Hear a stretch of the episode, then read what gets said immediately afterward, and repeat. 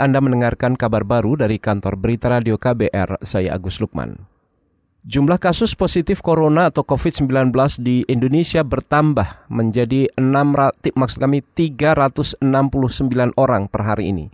Juru bicara pemerintah untuk penanganan virus corona, Ahmad Yuryanto mengatakan, dari jumlah itu 32 orang di antaranya meninggal. Pasien positif corona yang meninggal terbanyak ada di DKI Jakarta dengan 17 orang. Jawa Tengah berada di urutan kedua dengan tiga orang pasien corona meninggal.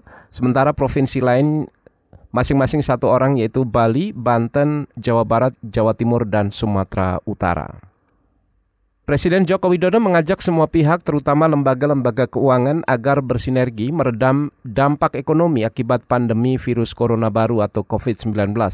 Ia meminta Bank Indonesia fokus menjaga stabilitas rupiah, menjaga inflasi agar tetap terkendali, dan mempercepat berlakunya ketentuan penggunaan rekening rupiah di dalam negeri. Saya minta sinergi kebijakan antara otoritas baik pemerintah pusat dalam hal ini Kementerian Keuangan dengan Bank Indonesia, dengan OJK, dengan LPS, terus diperkuat, pastikan ketersediaan likuiditas dalam negeri, kemudian memantau setiap saat terhadap sistem keuangan dan mitigasi risiko sekomprehensif mungkin, sedetail mungkin. Presiden Joko Widodo juga meminta otoritas jasa keuangan OJK lebih fokus pada kebijakan stimulus ekonomi yang memberikan kemudahan dan keringanan bagi para pengusaha kecil menengah atau UMKM dan sektor informal.